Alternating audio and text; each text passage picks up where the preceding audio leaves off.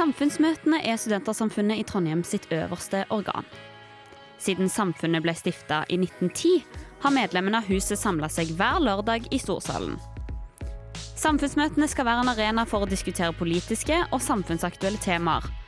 Og i Storsalspodden så klipper vi bort de litt kjedelige og formelle møtegreiene og gir deg juicen fra Storsalen rett inn i øret ditt. Mitt navn er Astrid Midthun, og jeg er medlem. Velkommen tilbake i studio, Sunniva, og velkommen til lyttere av Storsalspodden. Det har vært eh, møte, og det handler om legemiddelindustrien. Ja. Hva, eh, altså, hva snakker man om da? ja. Dette møtet ble jo avholdt originalt 12. mars, eh, to år etter den første nedstenginga av eh, koronapandemien. Å, herregud. Så det var derfor vi hadde lyst til å ta et litt sånn eh, tema der vi kunne se litt på eh, ja, den industrien som har vært liksom prega nyhetsbildet og livene våre i Mm. to år. Ja. Og kanskje satt uh, uh, søkelyset på ting som har vært problematisk med den industrien over lengre tid. Mm. Så vi ville sette fokus på eh, hvordan en sånn industri fungerer, som gjerne er litt styrt av profitt, og om patentordningen er nødvendig eller den man trenger. Og Ja. Og det er jo litt vanskelig, siden vi i Norge er så stolt av liksom det er gratis i helsevesenet og sånn der, men så må man likevel forholde seg til eh, den industrien da som er ja, Mhm. eh, mye mer basert på eh, penger og Ja. det er jo Så mm. på eh, samfunnsmøtet så ville vi eksemplifisere da med eh, opioidkrisen og den økende opioidbruken i Norge. Ja, fordi det trodde jeg var en amerikansk greie. Jeg visste ikke at det var noe med, som var et problem i Norge. Jo da, og man altså De aller fleste har jo tatt opioider en eller annen gang. Man Mm. skiller gjerne mellom sterke og svake opioider. Kan du si hva er Paralgin forte, eksempel på en Oh. svak opioid som du får f.eks. hvis du skal operere ut visdomstanna di, eller vet da Ja. søren. Og så har man da eh, Oxycontin, som har jo blitt kjent gjennom serien Dopesick, og så er det eh, opioider som skapte opioidkrisen i USA, da. Mm. Og, eh, og ser vi noen tendenser til det i Norge? Liksom, at det er veldig mange som blir avhengig av det? Eh, det øker, eh, men saktere enn i USA. Mm. Eh, så vi snakker litt, eh, som eh, lytterne får høre etterpå, om eh, det er grunn til bekymring eller ikke, eller om det er naivt å tenke at det ikke er bekymringsverdig. Og eh, med oss eh, i, eller med deg da, i sofaen eh, i storsalen, så eh, har du med deg eh, tre stykker som har mye kompetanse på dette her. Ja. Fortell hvem som er i panelet. Ja, jeg har eh, lege, eller overlege lege og avdelingssjef ved St. Olavs, eh, Petter Borchgrevink, eh, som har drevet med smertelindring og forska på opioider veldig, veldig lenge. Mm. Eh, så han har masse kompetanse der. Mm. Og så Tormod Strand, er journalist i NRK, og han eh, er den journalisten i Norge som i stor grad har skrevet artikler, intervjuer folk som har vært eh, avhengig av opioider i Norge, og har på en måte vært med og satt fokus på da i den siste tida. Ja. Mm. Eh, og så Joakim Henriksen, eh, som er representant fra legemiddelindustrien, som er den eh, hatten han snakker med på samfunnsmøtet. ja. Eh, og i tillegg så jobber han med eh, kommunikasjon og sånn i Pfizer Norge. Men eh, av at da gir han en litt mer snevrere eh, ytringsfrihet, eller mulighet for å si og mene ting, så Mm.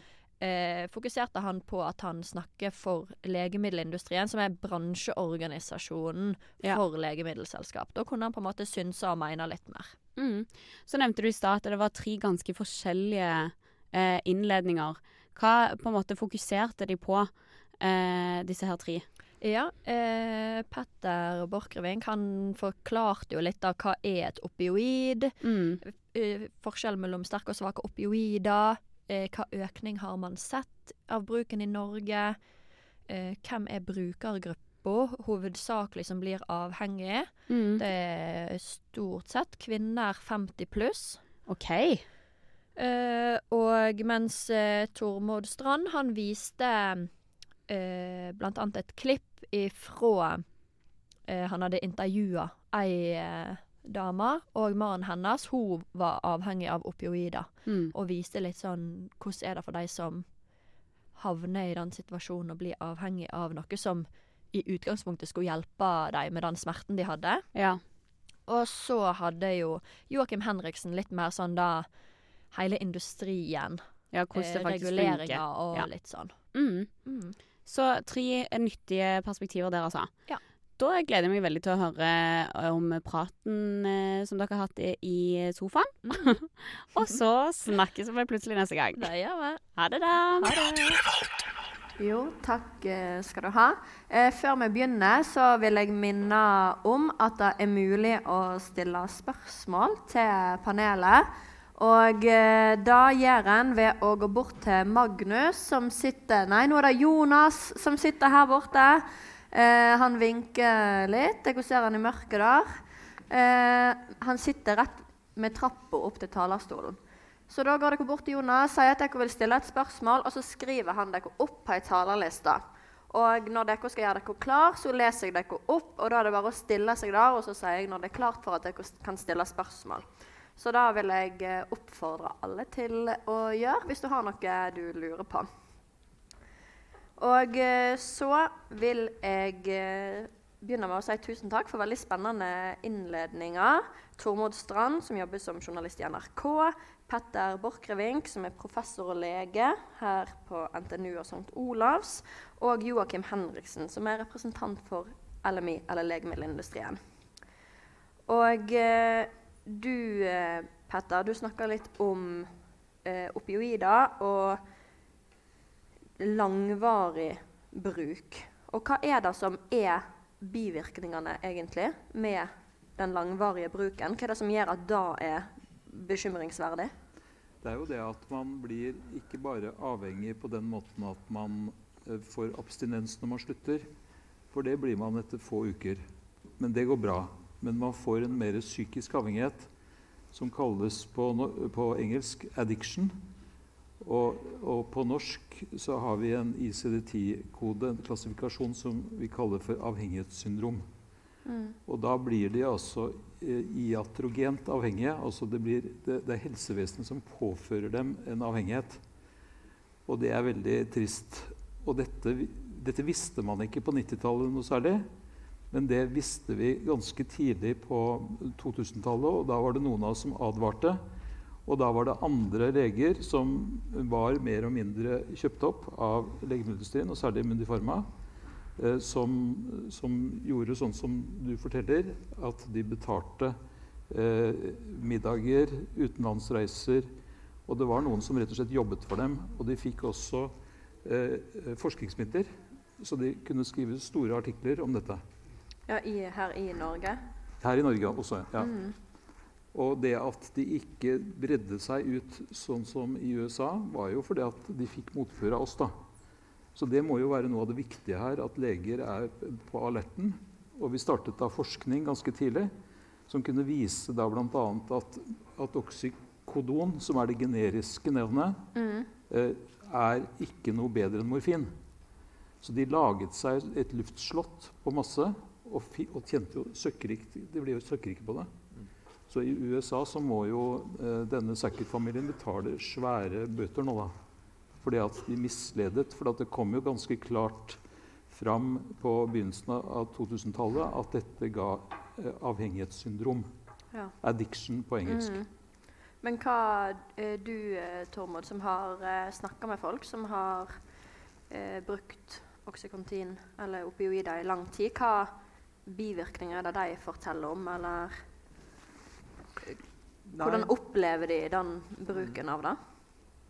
Vi, vi er jo f.eks. i gang nå med å, å se litt på Oksykontin er jo også på en måte å finne på gata, ikke sant? Uh, i, som selges blant uh, narkomane. Uh, og det er et interessant spor. Um, men, men det er jo mye sånn Det er jo litt sånn interessant dette med at Jeg tenker kanskje leger er, for, er blitt for slepphendte, da.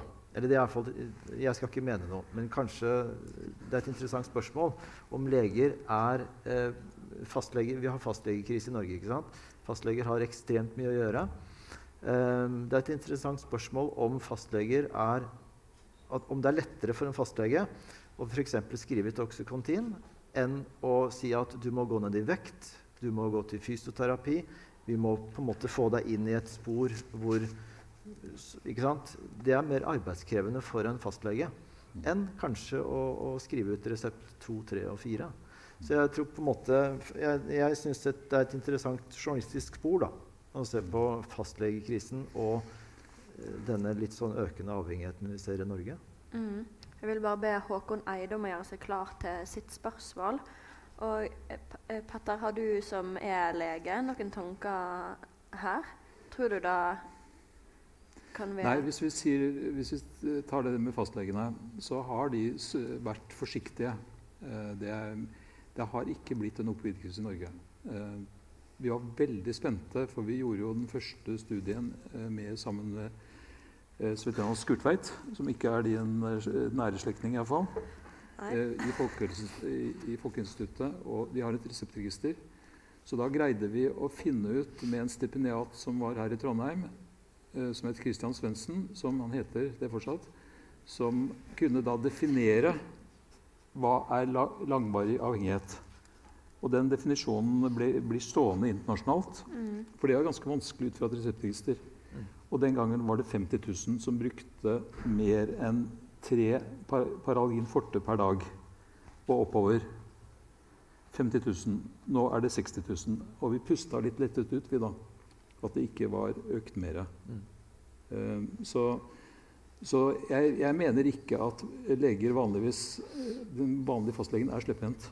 Jeg mener at de har stått brask og bram. Husk på at en del av disse pasientene har grusomme smerter. Og noen må ha opioider. Men kan en puste letta ut selv om det ikke har økt enormt? Nei, så har det jo fortsatt økt. Kan det bli en mer sånn saktegående nei, det, økning? Det vi gjør som underviser medisinstudenter, har gjort det en stund på de fine universitetssykehusene. Vi underviser dem nå i hva som er alternativet, som du er inne på.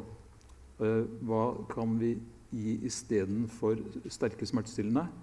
Uh, og vi har også fått det nå inn uh, i disse dager. Så får vi det inn i Norsk legemiddelhåndbok, elektronisk legemiddelhåndbok, som alle, uh, alle, fastleger i Norge bruker.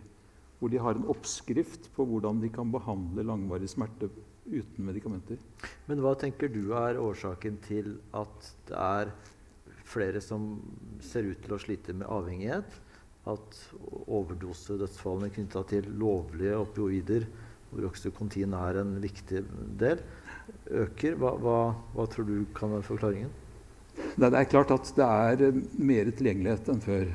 Og nå er det sånn som du sier, som du har snakket med Klausen om sikkert, at um, i, i, i, på Universitetet i Oslo at uh, det er nå flere som dør av legemiddel, altså oksykontin og lignende, mm. enn av heroin. Mm.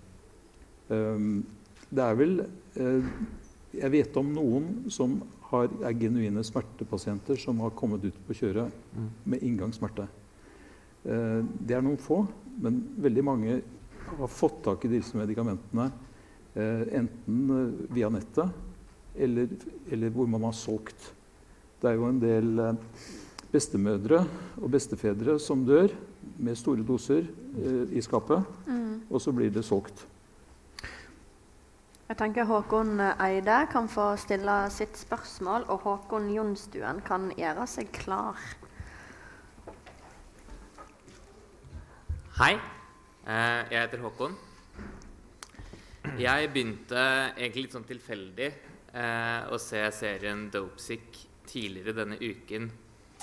Og Dopesick er ikke den første Eh, det er en i rekken av flere serier som lager en dramaserie basert på en sann historie.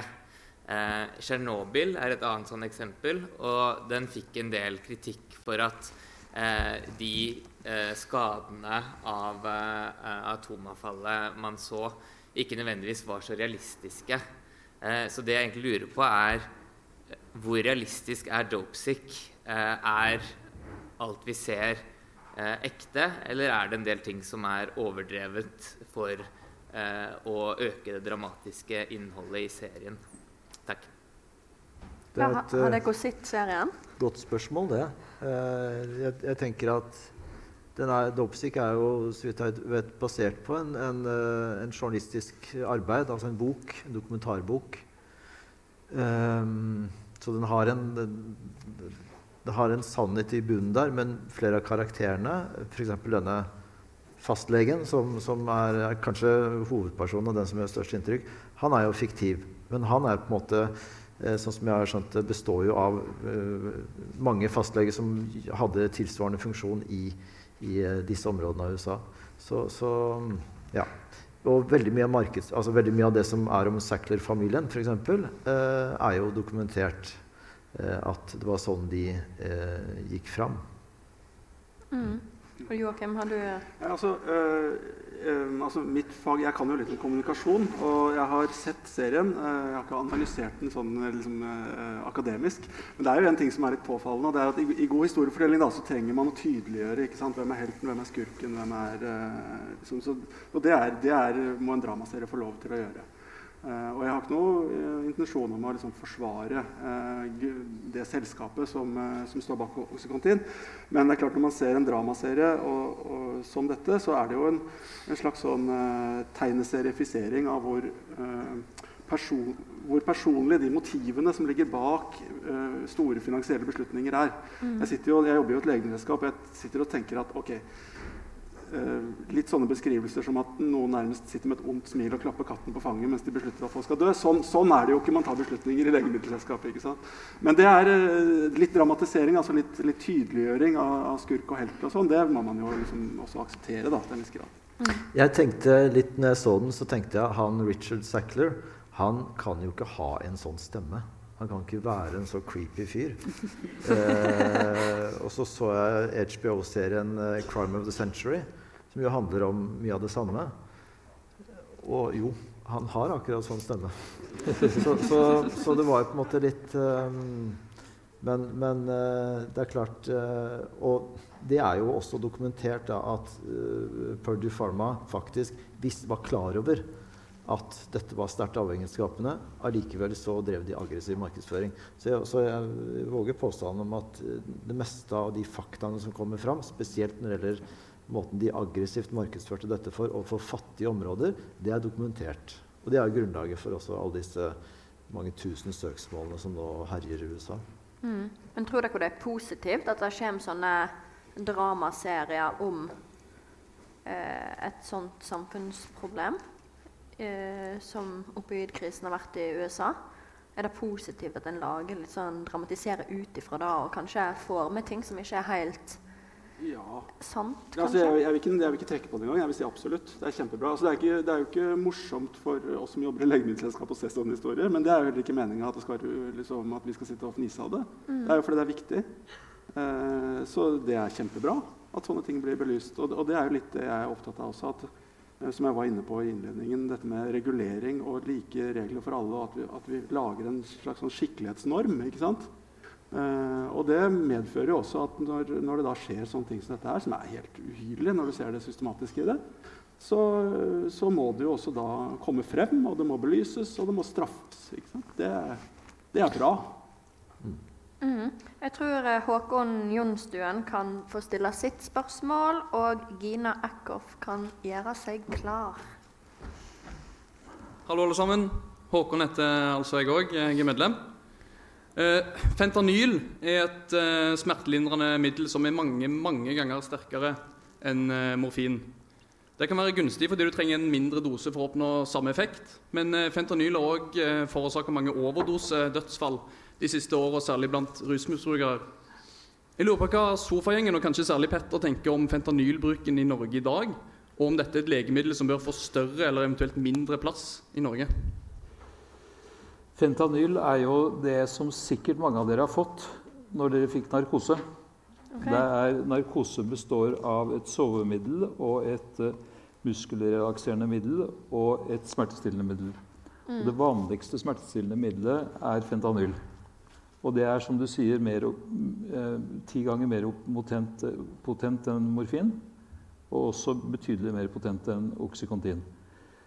Eh, så finnes det også idurogesic plaster, som brukes mest mot kreftsmerte. Men den, eh, de, alle de overdosedødsfallene som vi nå hører om i USA Jeg tror faktisk at prins eh, Det var det viktigste middelet som gjorde at han døde i heisen sin, som dere har hørt om. Mm. Det var fentanyl. Og det er, det, da var det illegalt. Så det kommer også inn illegalt. Men blir det brukt eh, mer og mer i Norge? Litt som Nei, egentlig ikke. Eh, Jeg, jeg sa jo litt eh, Jeg prøvde å forsvare legemiddelindustrien litt, hvis dere må merke det. Eh, Så, altså sånn at det ikke blir bare oksykontin. Ja. For det, det, er, det er ikke representativt. Sånn at uh, Jansen Silag i, i Belgia uh, har, jo, har, har jo laget et plaster av dette som heter Durogesic. Og det har ikke økt så veldig mye. Det som har økt svimlende mye i Norge, er jo Oxycontin. Fordi at også i Norge har de gått ganske hensynsløst eh, fram og, og, og kjøpt uh, en del leger. Uh, bespist uh, eh, en del leger. Og merkelig nok, vi, vi som så dette og som forsket på dette, vi sa det at morfin er like bra. Det er ikke noe grunn til å skifte over til eh, oksykoton. Men de greide da å snu det sånn at all morfinbruken er nå skiftet over til oksykodon. Selv om det ikke på noen måte er noen fordeler med det. Det er ikke mer vanndannende, men det er heller ikke bedre smertestillende. Men enn har det vært for dårlig regulert, da, rett og slett? Eller hvorfor har det skjedd Nei, det, var, det, var, det, var, det, det er jeg litt skamfull over på, lege, på min stands vegne at vi lot oss eh, konvertere på denne måten. Altså. Det, det, og jeg har skrevet flere artikler. Eh, Jeg prøvde å vise en her, men jeg tror, jeg tror ikke dere så det. Eh, Hvor, hvor vi sammenligner oksykodon og morfin og sier at de er akkurat like på alt. Og det, det er også det andre har funnet. bare tenkte på at det er altså det, det viktige spørsmålet her er jo liksom ikke sant, USA det er liksom et helvete. Og, og dødsårsaken til unge menn i USA er på en måte lovlige opioider. ikke sant, Den vanligste dødsårsaken. Så det er, svært, altså. Eh, og så er spørsmålet kan dette komme til Norge. Og vi har jo alle svart at nei. Men ikke- er det litt naivt ikke- ikke å tenke òg? At det ikke kan skje, eller? ja men, ja, men det er det jeg skulle fram til. Måte, ikke? Nei, det kan nok ikke det. Eh, til det er på en måte Norge er for regulert, og, og, og vi har myndigheter som følger bedre med. eh, og jeg er i stand til å gripe inn. Men samtidig så skal man være litt forsiktig med å på en måte lalle seg inn i en sånn, i sånn naivitet i forhold til å tenke den tanken da at ja, selvfølgelig kan det ikke skje her. Og så mener jeg da at tallene og forskningen eh, som, som eh, lages nå, den, pe den ikke, peker ikke i riktig retning. altså. Og så er det interessant at de, de eh, som på en måte rammes av dette nå, det er funn som tyder på at det er kvinner som er overrepresentert, og litt eldre kvinner. 50 pluss. ikke sant? Og vi har, altså For narkomane heroinmisbrukere så har vi, vi har sprøyterom, vi har interesseorganisasjoner, vi har liksom mange som på en måte kjemper deres sak. Endelig. Det har tatt tid. Men denne gruppen, kvinner som på en måte tar overdoser hjemme, og som har en avhengighet som, som er kjempetabu, de har liksom ingen eh, advokater, altså. Eh, og, og vi risikerer at dette foregår litt for mye i det stille, tenker jeg. Ja. Ja, her, her er det mange faktorer som, eh, som går inn sammen i det vi kaller regulering. Ikke sant? Altså, en ting er jo, Du har vært borti legenes rolle. altså Det at leger må være flinke og restriktive og kloke i de valgene de skal ta. Men så har vi også eh, rett og slett regler på papiret. Ikke sant? Altså, hva er retningslinjer for å bruke et sånt legemiddel? Hvordan skal det forskrives?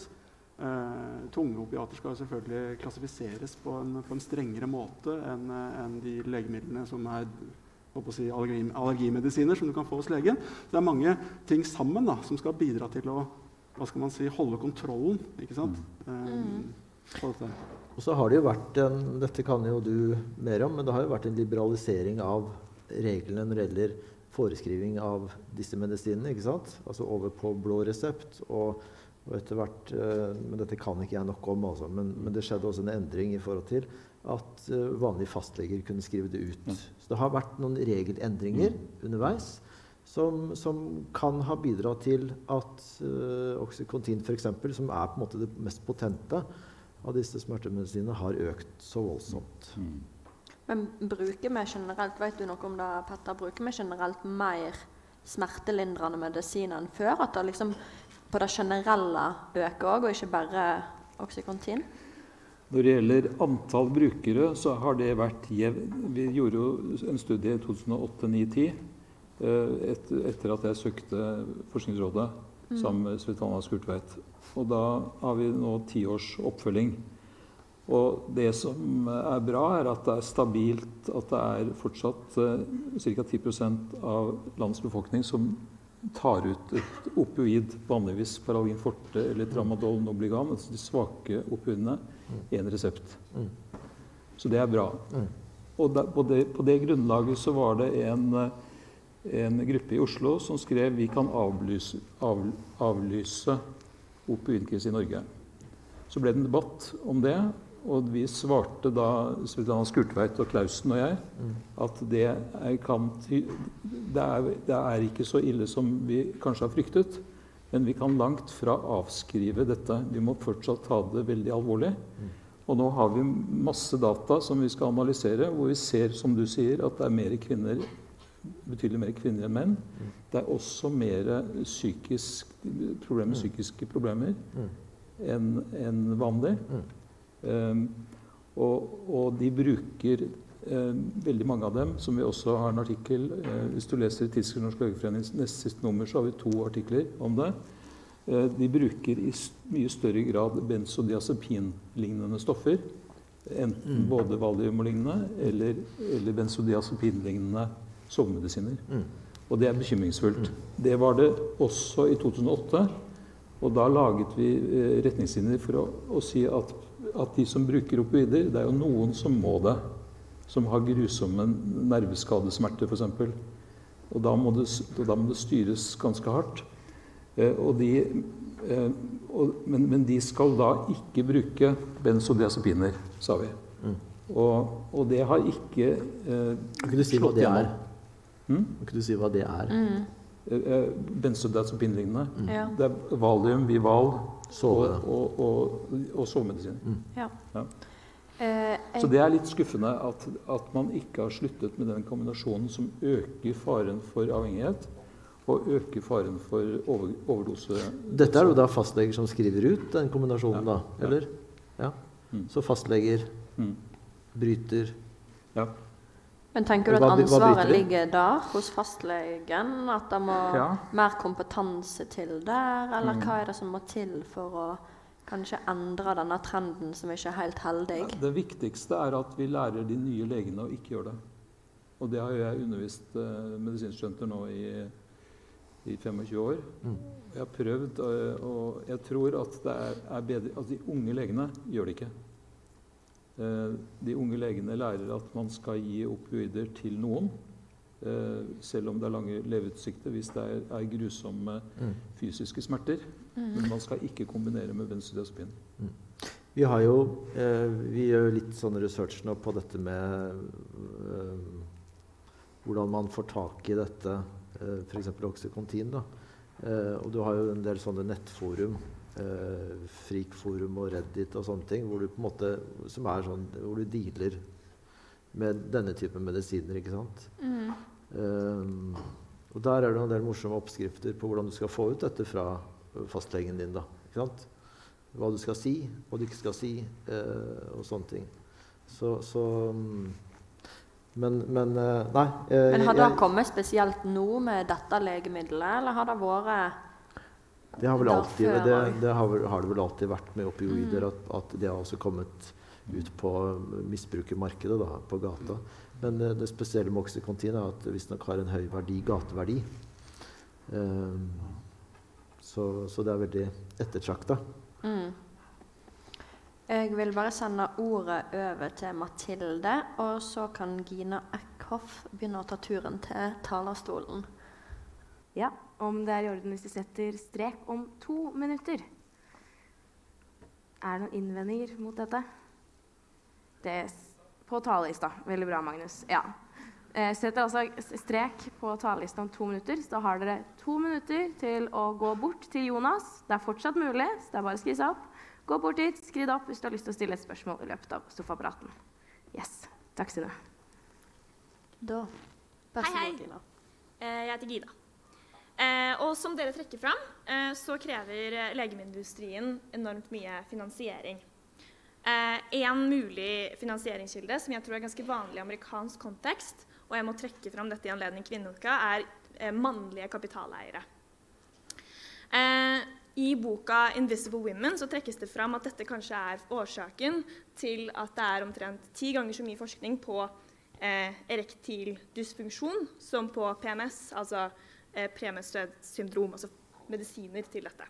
Så jeg lurer på eh, hvor mye påvirker slike finansieringskilder eh, hvilke legemidler som forskes på, eh, og hva kan vi gjøre for å motvirke eventuelle skjevheter i hva som prioriteres? Takk. Det høres ut som den kanskje går i min retning. Ja, vær så god, Joakim. Ja, altså eh, Finansiering Det er jo ikke eh, la, la oss si det sånn, da. Når legemiddelselskap prioriterer hva de skal gjøre, så er det jo en blanding av flere faktorer, hvor man ser på hva er det vi kan fra før av, eh, som vi har noe kompetanse på. Hva er det, hvor er det potensielle inntekter? Hvor, er ver- hvor er det verden eller pasienter trenger en ny medisin? Eh, og så kikker man på i hvilken kategori er det penger å hente. Hvor, hvor er det sånn at det f.eks. er veldig mye mer lønnsomt å lage nye kreftmedisiner enn å lage nye diabetesmedisiner? Ja, da vil flere velge å lage nye kreftmedisiner. ikke sant? Altså, det er jo sånne ting man kikker på. Og det er ikke nødvendigvis eh, hva skal man si, Det har ikke nødvendigvis en veldig sånn tung moralsk dimensjon. Det er mer en teknisk altså investeringsmessig dimensjon i det. Jeg ville jo sånn inn, inn, Nå har ikke jeg lest den analysen som, som det refereres til, så jeg, jeg kan ikke konkludere med at, eh, at den analysen her er god eller dårlig. Men sånn in, initielt så høres det ut som at uh, uh, f.eks. sånne ting som kjønnsdimensjoner egentlig ikke hører hjemme i en økonomisk og eh, hva skal man si, pasientorientert analyse som man vil gjøre i et legemiddelselskap. Det høres merkelig ut at man skulle sitte og tenke at det gidder vi ikke satse på, for det er kvinnehelse.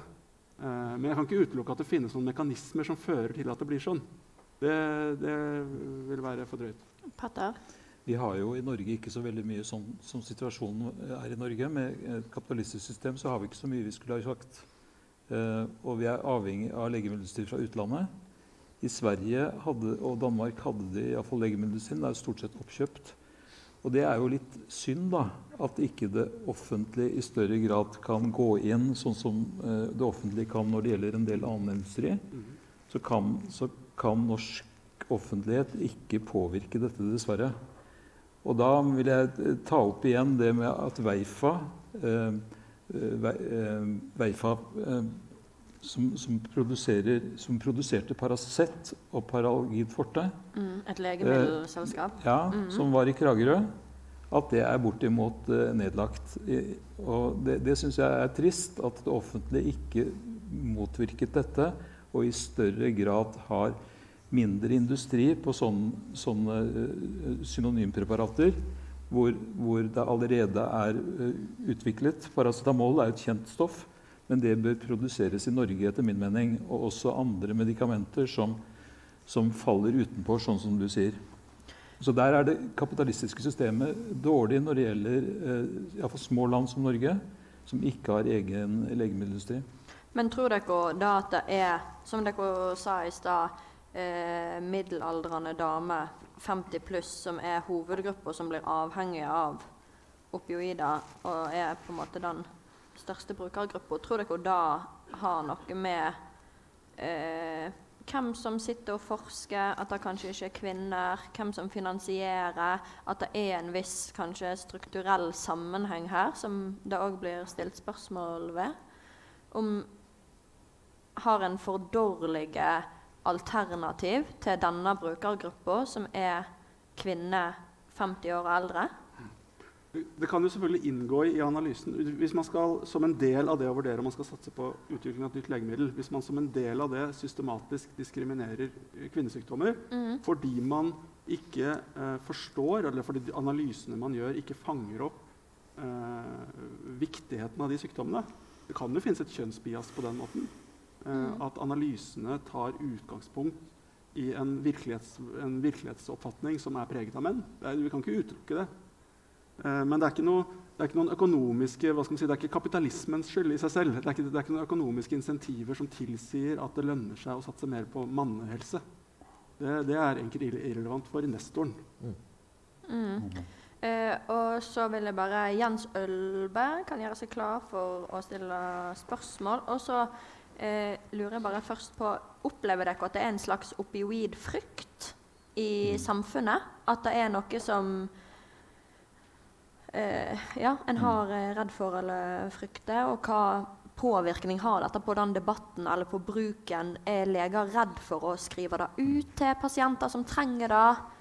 Har dere noen tanker rundt det? I USA og Canada er det det, dessverre. Og jeg kjenner flere amerikanske leger som forteller at, at kollegaene deres på sykehus ikke tør å skrive ut eh, morfinpreparater til pasienter som har store smerter etter operasjoner, eller som har store smerter i forbindelse med kreft. Så det vil jeg si, da, som har jobbet med dette i mange, mange år, at de må få morfinpreparater, og om så oksykontin, som, eh, fordi at de, de, trenger det. Eh, Så, så det, det er veldig viktig at vi greier å ha to tanker i hodet samtidig. At opioider er både en velsignelse, det er de sterkeste smertestillende som fins, og vi greier oss ikke uten. Og samtidig en forbannelse hvis det brukes over lang tid og ikke, ikke føres kontroll med. Mm. Enig i det. Da kan eh, Jens få stille sitt spørsmål, og Ida Li Nilsen kan gjøre seg klar. Uh, Hei sann. Eh, navnet er Jens. Jeg er medlem. Um, dere toucha for så vidt uh, nettopp innom det òg. Men um, i, i min oppfatning så har de fleste selskaper én drivkraft, og det er stort sett å generere profitt til aksjeeiere. Hvordan ser dere dette, denne drivkraften med på en måte altså De fleste av dere har vel et altså innenfor legemiddelindustrien har vel et håp om å hjelpe mennesker, ikke nødvendigvis bare tjene penger. Syns dere at dette her er for, altså to forenlige objektiver? Ja. Tusen takk. Skal jeg Joakim, du kan få begynne. Altså, eh, det er jo eh, Spørsmålet du stiller er også litt politisk. Det kommer litt an på hvem du, hvem du spør. Også? Altså fordi at Noen vil jo være markedstilhengere. Og så si at markedet eh, det fikser alt som er vondt og vanskelig her i verden. Fordi at markedet sørger for at penger flyter dit hvor man kan på en måte løse problemer. Eh, der det er et hull, på en måte et behov som trengs å løses, så, så liksom flyter pengene automatisk dit. Og så kan du velge en litt mer eh, kan man si, sosialistisk verdensanskuelse.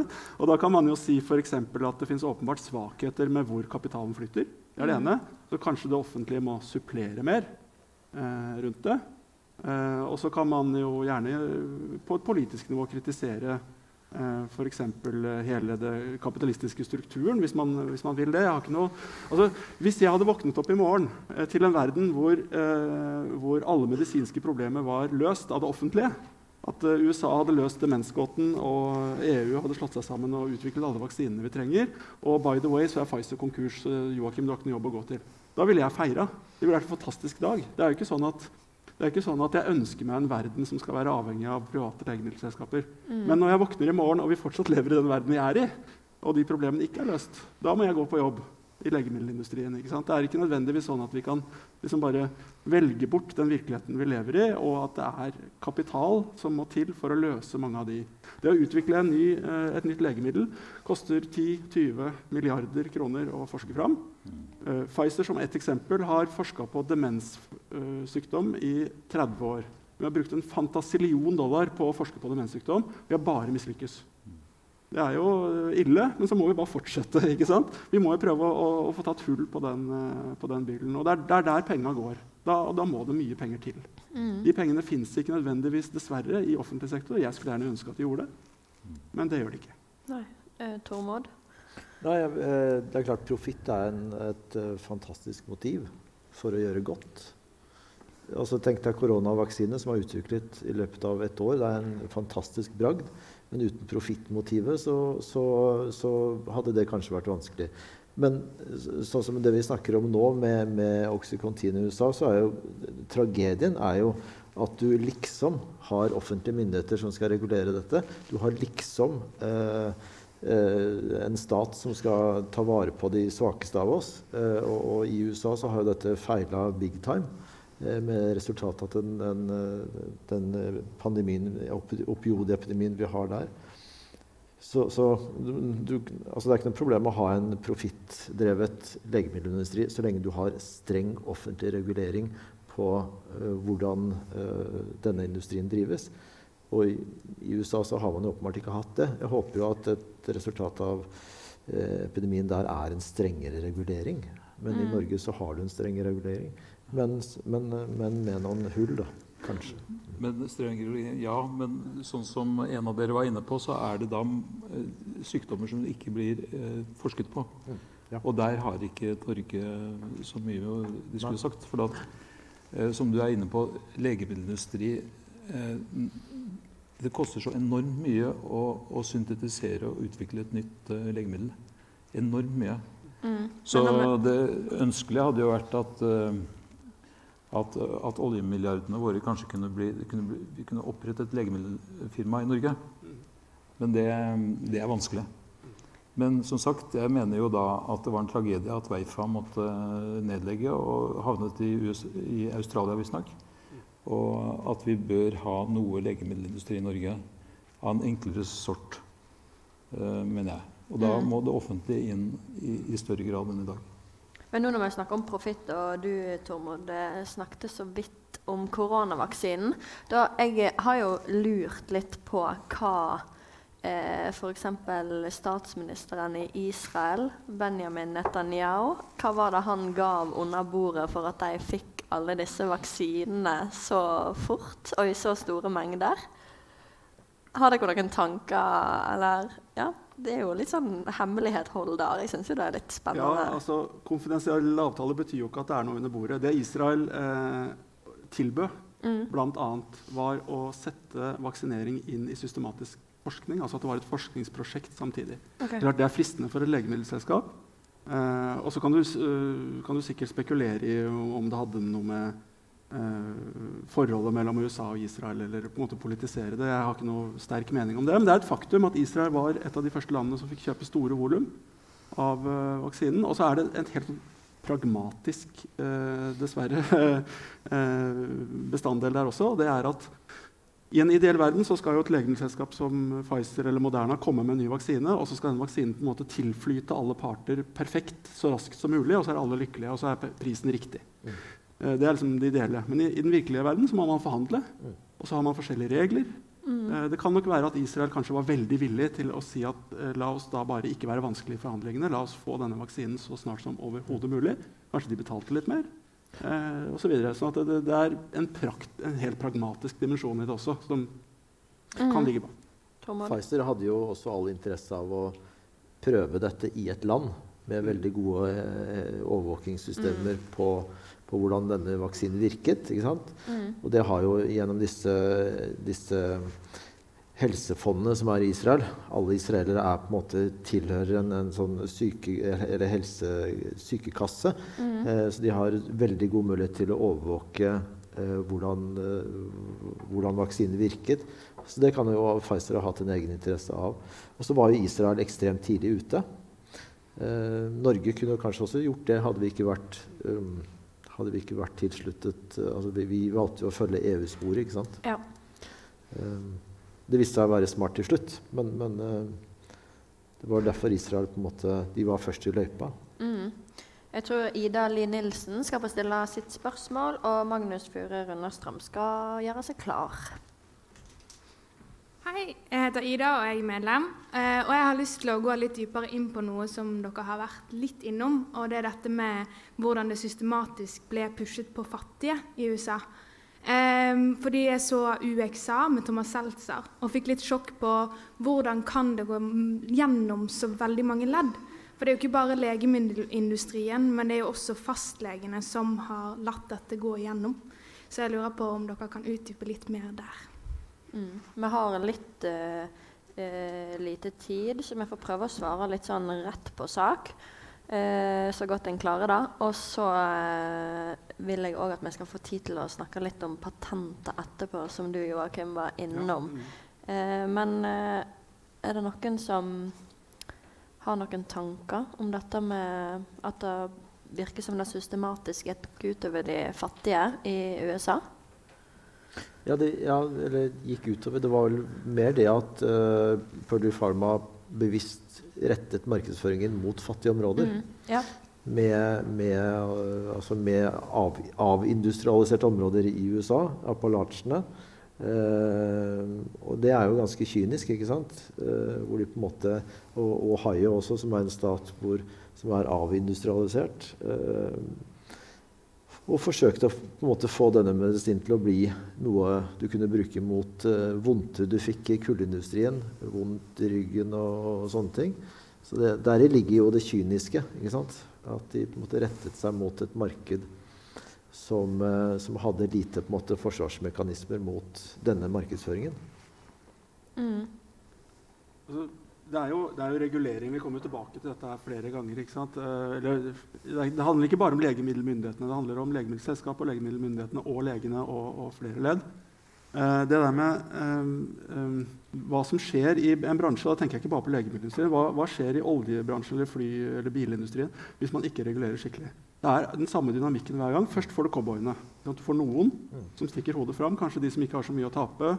Det kan være en enkeltlege som setter opp en hva kalles det, pillmill. Eh, setter opp rett og slett et eh, kontor hvor man bare i stor stil skriver ut, tjener, tjener, penger og bryr seg ikke så mye om det.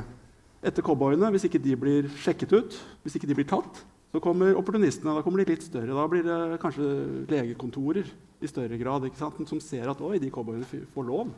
Da kan jo vi også gjøre det. Og så sprer det seg. Du må regulere for å, for å liksom luke ut ugresset tidlig. Ja. ikke sant? Eh, ta cowboyene eh, tidlig. Mm. Det er en del av det i alle industrier og, og, og for å få ordentlig compliance-kultur. Mm. Jeg tror eh, Magnus skal få stille sitt spørsmål, og Hedda Savosnik kan få gjøre seg klar. Ja, det går litt på regulering, dette her òg, egentlig. Um, så tidlig, under, under, krigen da, så hadde du som på én side av reguleringsrekkevidden uh, sånn, så hadde du Josef Mengele i Auschwitz, du hadde enhet 731 i Japan som måtte gjøre medisinsk forskning kastet det fremover. Som Amerikanerne var veldig dyktige til å ta med seg hjem igjen. Så dette var vanvittig verdifullt.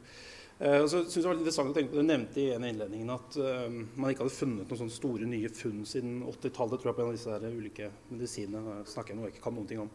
Um, men um, spørsmålet er, er, i hvilken grad er reguleringene med på, på, på å bremse forskningstempoet? Altså, hvor er på en måte det gylne snittet på hvor når begynner vi faktisk å bremse oss selv for å finne nye, gode medikamenter? Eh, ikke at jeg tar til orde for at vi skal ligge på Mengele-nivå, men det sier noe om at man klarte mye mer da på fem år enn vi klarte på veldig mange år siden. Så takk. Er det noen som Ja? Petter? Ja. Jeg tror kanskje ikke det. Altså Når det gjelder smertestillende, så har det tydeligvis ikke vært satsa nok fra legemiddelindustrien. De har, eh, de har, satset på andre ting, men innenfor andre områder, blod, blodtrykksmedisiner f.eks., hjertesykdom, eh, karsykdom, lungesykdom, så kommer det jo nye medisiner ganske mye. sånn at eh, det at, at det er nå 20 år siden siste avgjørende smertestillende middelet kom, Lyrica, det nok, beror nok delvis på at uh, legemiddelindustrien finner mer profitt i å jobbe fram andre medikamenter. Og der er det en ting som faktisk, Hvis vi også får et par minutter jeg vet ikke hva jeg, vet, ja, men hvis vi får til patenter også for ja. Dette er jo en slags sammenheng der òg. Mm. Det er en merkelig sånn, selvmotsigelse i systemet. og det er at Medisinske patenter de eh, har jo en veldig begrensa eh, altså Det er 20 år som er utgangspunktet for et medisinsk patent. Og Patentet tar man gjerne ut litt tidlig i utviklingsfasen, og så har du igjen 10-12 år på markedet. For å, for å, og under patent så kan du jo ta en høyere pris for å dekke inn alle disse forskningsutgiftene. Ja, for da har du litt sånn monopol på den. Ja, du monopol. Men, mm. Eh, når legemidlene går av patent, så stuper jo prisen. og Da kan hvem som helst som har en ordentlig fabrikk, lage de. Eh, og lage gode kopimedisiner. Det er systemet. Det er, det er det sånn det skal være for at balansen mellom at samfunnet skal få glede av det, og at de som finner det opp og investerer, skal få tilbake pengene sine og profitt. Så er, kommer vi til den fiffige saken. og det er at Hvis du har hatt en periode hvor du har utviklet mange gode medisiner, relativt gode medisiner, og så går alle av patent, koster nesten ingenting. Så skal et nytt legemiddelselskap si at ok, kanskje vi kunne utviklet en ny antibiotika eller en ny eh, smertestillende medisin. Det er lenge siden sist, vi trenger nye. Men de eksisterende er så billige. Sånn at Hvis vi kommer med et nytt produkt som kanskje vi tenker riktig pris er 10 000 kroner i måneden for å bruke det produktet for en pasient, så vil legemiddelverkene over hele verden si nei, det gjør vi ikke. Fordi vi kan betale tre kroner tabletten for de gamle. Sånn at patentsystemet gjør nesten at vi snubler litt i oss selv Mm. eh, på, på, noen områder. Eh, og da, ja, da, da klarer ikke markedet å fikse det problemet selv. da. Nei. Men er det noe Tenker du at eh, patentordningen burde stå sånn som den er, eller burde den endres på noe vis? Eller er den i størst grad positiv, eller er det, fins det òg noen liksom, negative sider ved at Sånn som under koronapandemien, da, at den ikke ville vike fra denne patentordningen med utviklingen av vaksiner, f.eks. Mm. Eh, kunne man kommet eh, over denne pandemien tidligere hvis en ikke hadde hatt en sånn patentordning?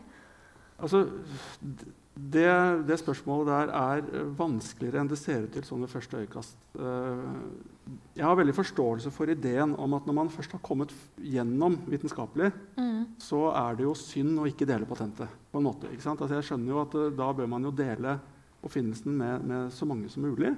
I, i prinsippet, Og særlig selvfølgelig under en global pandemi. Det er et godt argument for at i, i, eh, patent, I de internasjonale patentavtalene så ligger det et premiss om at i unntakstilfeller så kan Verdens handelsorganisasjon gi unntak. Det er ikke legemiddelselskapene som i sin uendelige sjenerøsitet skal liksom gi bort legemiddelet sitt. Det er verdens, eh, altså WTO skal bestemme det når det, når det trengs.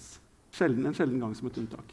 Så er spørsmålet hvorfor har ikke World Trade Organization gjort det i denne omgangen? Det er åpenbart en situasjon hvor man kunne ha delt patentene, økt Mm. produksjonen.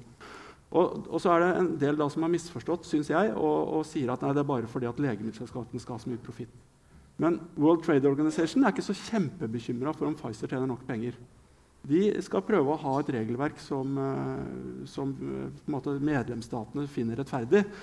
Og eh, Det som er hovedproblemet med for utviklingen av vaksinene, er at det er ikke bare ny teknologi sånn i, i laben, det er også en ny teknologi produksjonsmessig.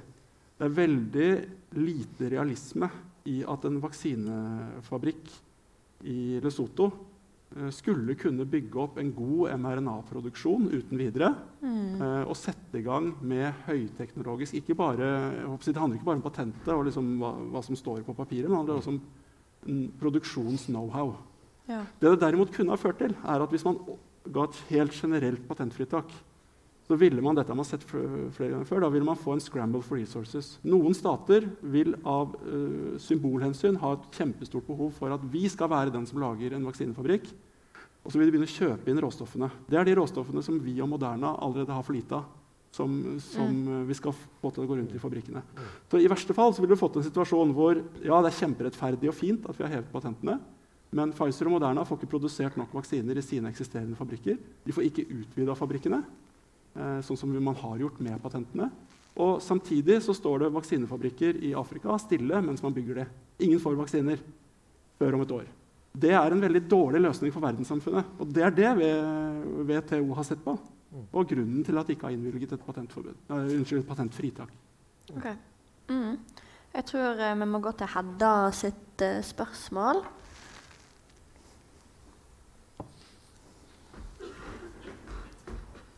Ja, hei. Hedda heter jeg, medlem. Eh, Jeg har én kommentar og et spørsmål.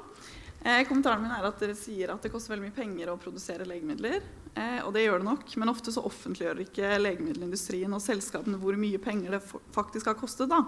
Så det hadde gjort at det var litt lettere for oss på andre siden.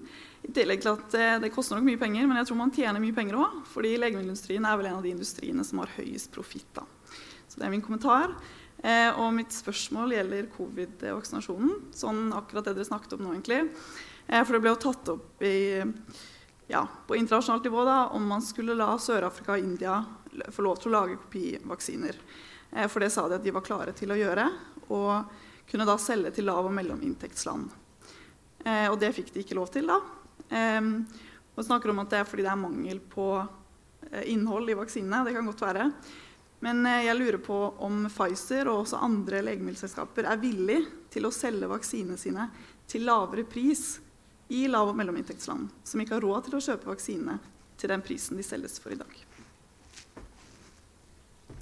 Og for å ta det siste først, altså da, da, må jeg liksom stille meg i den posisjonen at, at, jeg snakker på vegne av legemiddelindustrien. Jeg kjenner jo godt til Pfizer-eksempelet siden jeg jobber der. Mm. Uh, altså, uh, Pfizer sa helt fra begynnelsen av, rett rundt godkjent, altså da, da, det ble klart at vaksinen var effektiv, så sa man at man hadde en global prispolitikk hvor rike land skal betale full pris. Det er konfidensielle priser på legemidler, så vi vet ikke nøyaktig hvor mye full pris er. men det er ganske sikkert uh, at det ligger sånn omtrent det samme som en togbillett mellom Oslo og Horten. Så kan dere gå og sjekke på Vy etterpå, så har dere fått det lille tipset der. Det, det, er ikke veldig mye penger i et rikt land for en vaksine. Uh, I forhold til samfunnsverdien så er det en prosent kanskje av hva som er den egentlige verdien. Men så sier Pfizer og uh, flere andre AstraZeneca gikk jo inn i India og, og, og, ga lisens til India for å produsere. Og så skjedde det jo ting dessverre i India som gjorde at de ikke fikk eksportert. For de fikk en kjempekrise i fanget selv og trengte vaksinene selv. Så det som skulle være det fattige lands produksjon av AstraZeneca-vaksinen, det ble jo et, et, ekstra problem. Men Pfizer sa også at mellominntektsland skal betale en betydelig lavere pris enn det rike land var. Lavinntekt, altså lav- og middelinntektsland, de som defineres som LMIC, er det vel, eller LLMIC, de skal betale produksjonspris. Det var åpent helt fra, helt fra begynnelsen av. Uh, og så har det vist seg at er, uh, selv produksjonspris kan det være dyrt for et land som Malawi. For eksempel. Skal du vaksinere 40 millioner mennesker, så hjelper det ikke at vi syns at den vaksinen er litt billig. Det er mye penger for helsevesenet i et fattig land. Mm. Og da må andre komme på banen igjen. Og det som f.eks. Pfizer gjorde, var å si at den produksjonsprisløsningen det gjør at vi selger tror vi har endt opp med totalt 2 milliarder vaksiner som vi har solgt til amerikanske myndigheter for produksjonspris. Og så har amerikanske myndigheter donert det til Covax. Da er det ikke produksjonspris lenger for fattige land, da er det gratis. Det som er problemet nå, i dag, er at eh, Covax klarer ikke å levere ut vaksiner like fort som vi leverer. Etterspørselen etter gratis vaksiner i lavinntektsland er ikke stor nok eh, i forhold til det enorme tempoet vi produserer vaksinene ut i. Det viser kompleksiteten i dette. Det er, ikke bare, er ikke bare å få fraktet ut mest mulig vaksiner raskest mulig. Mm. Eh, men tenker dere litt sånn, Hun kommenterte bare noe helt kort til slutt.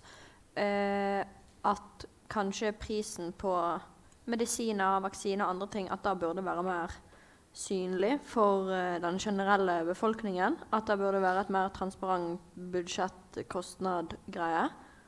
Du nikker, Joakim? Ja, altså jeg, jeg, skjønner spørsmålet veldig godt. Det er, ikke, det er, ikke, sånn at det er et aktivt ønske om at ting må være hemmelig.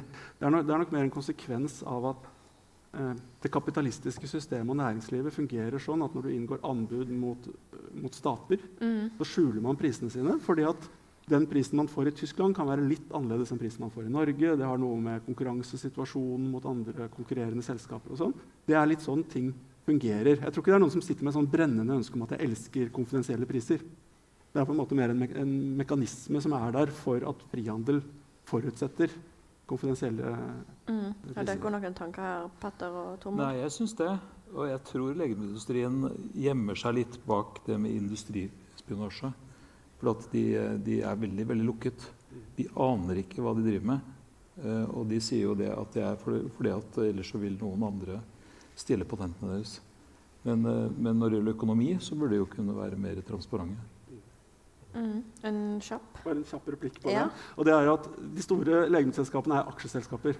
Mm. Eh, aksjeselskaper rapporterer hvert kvartal hva de tjener og hva de går i overskudd med. og hva som er profitten. Og så kan man se på aksjekursen om, om eierne får profitt gjennom økte aksjekurser eller ikke. Sånn at uh, det er, det, I det ligger det en, en Og så skal jeg bare, jeg skal ikke trekke det ut, men jeg skal bare runde av der med mm. å si at de av dere som er interessert i økonomien, kan gjerne ta opp mobilen og så kan dere sjekke for aksjekursen til Pfizer. Og så kan dere måle den opp mot SNP 500, som er indeksen i USA. Så vil dere få en liten overraskelse. Uansett om dere måler på tre år, under pandemien eller i femårsperspektiv. eller sånn, det, er det, som invest det dere ser på skjermen, er det investorene får. Økte eller senkede aksjepriser. Pfizer har underprestert i forhold til det å investere i et helt vanlig aksjefond i USA de siste to eller tre eller fem eller ti årene. Så, så stor er ikke profitten i det selskapet som et eksempel. Ok, Da vet vi hva vi kan uh, gå hjem og uh, finne på i kveld. Eh, men gi Tormod Strand, Joakim Henriksen og Petter Borchgrevink en varm applaus.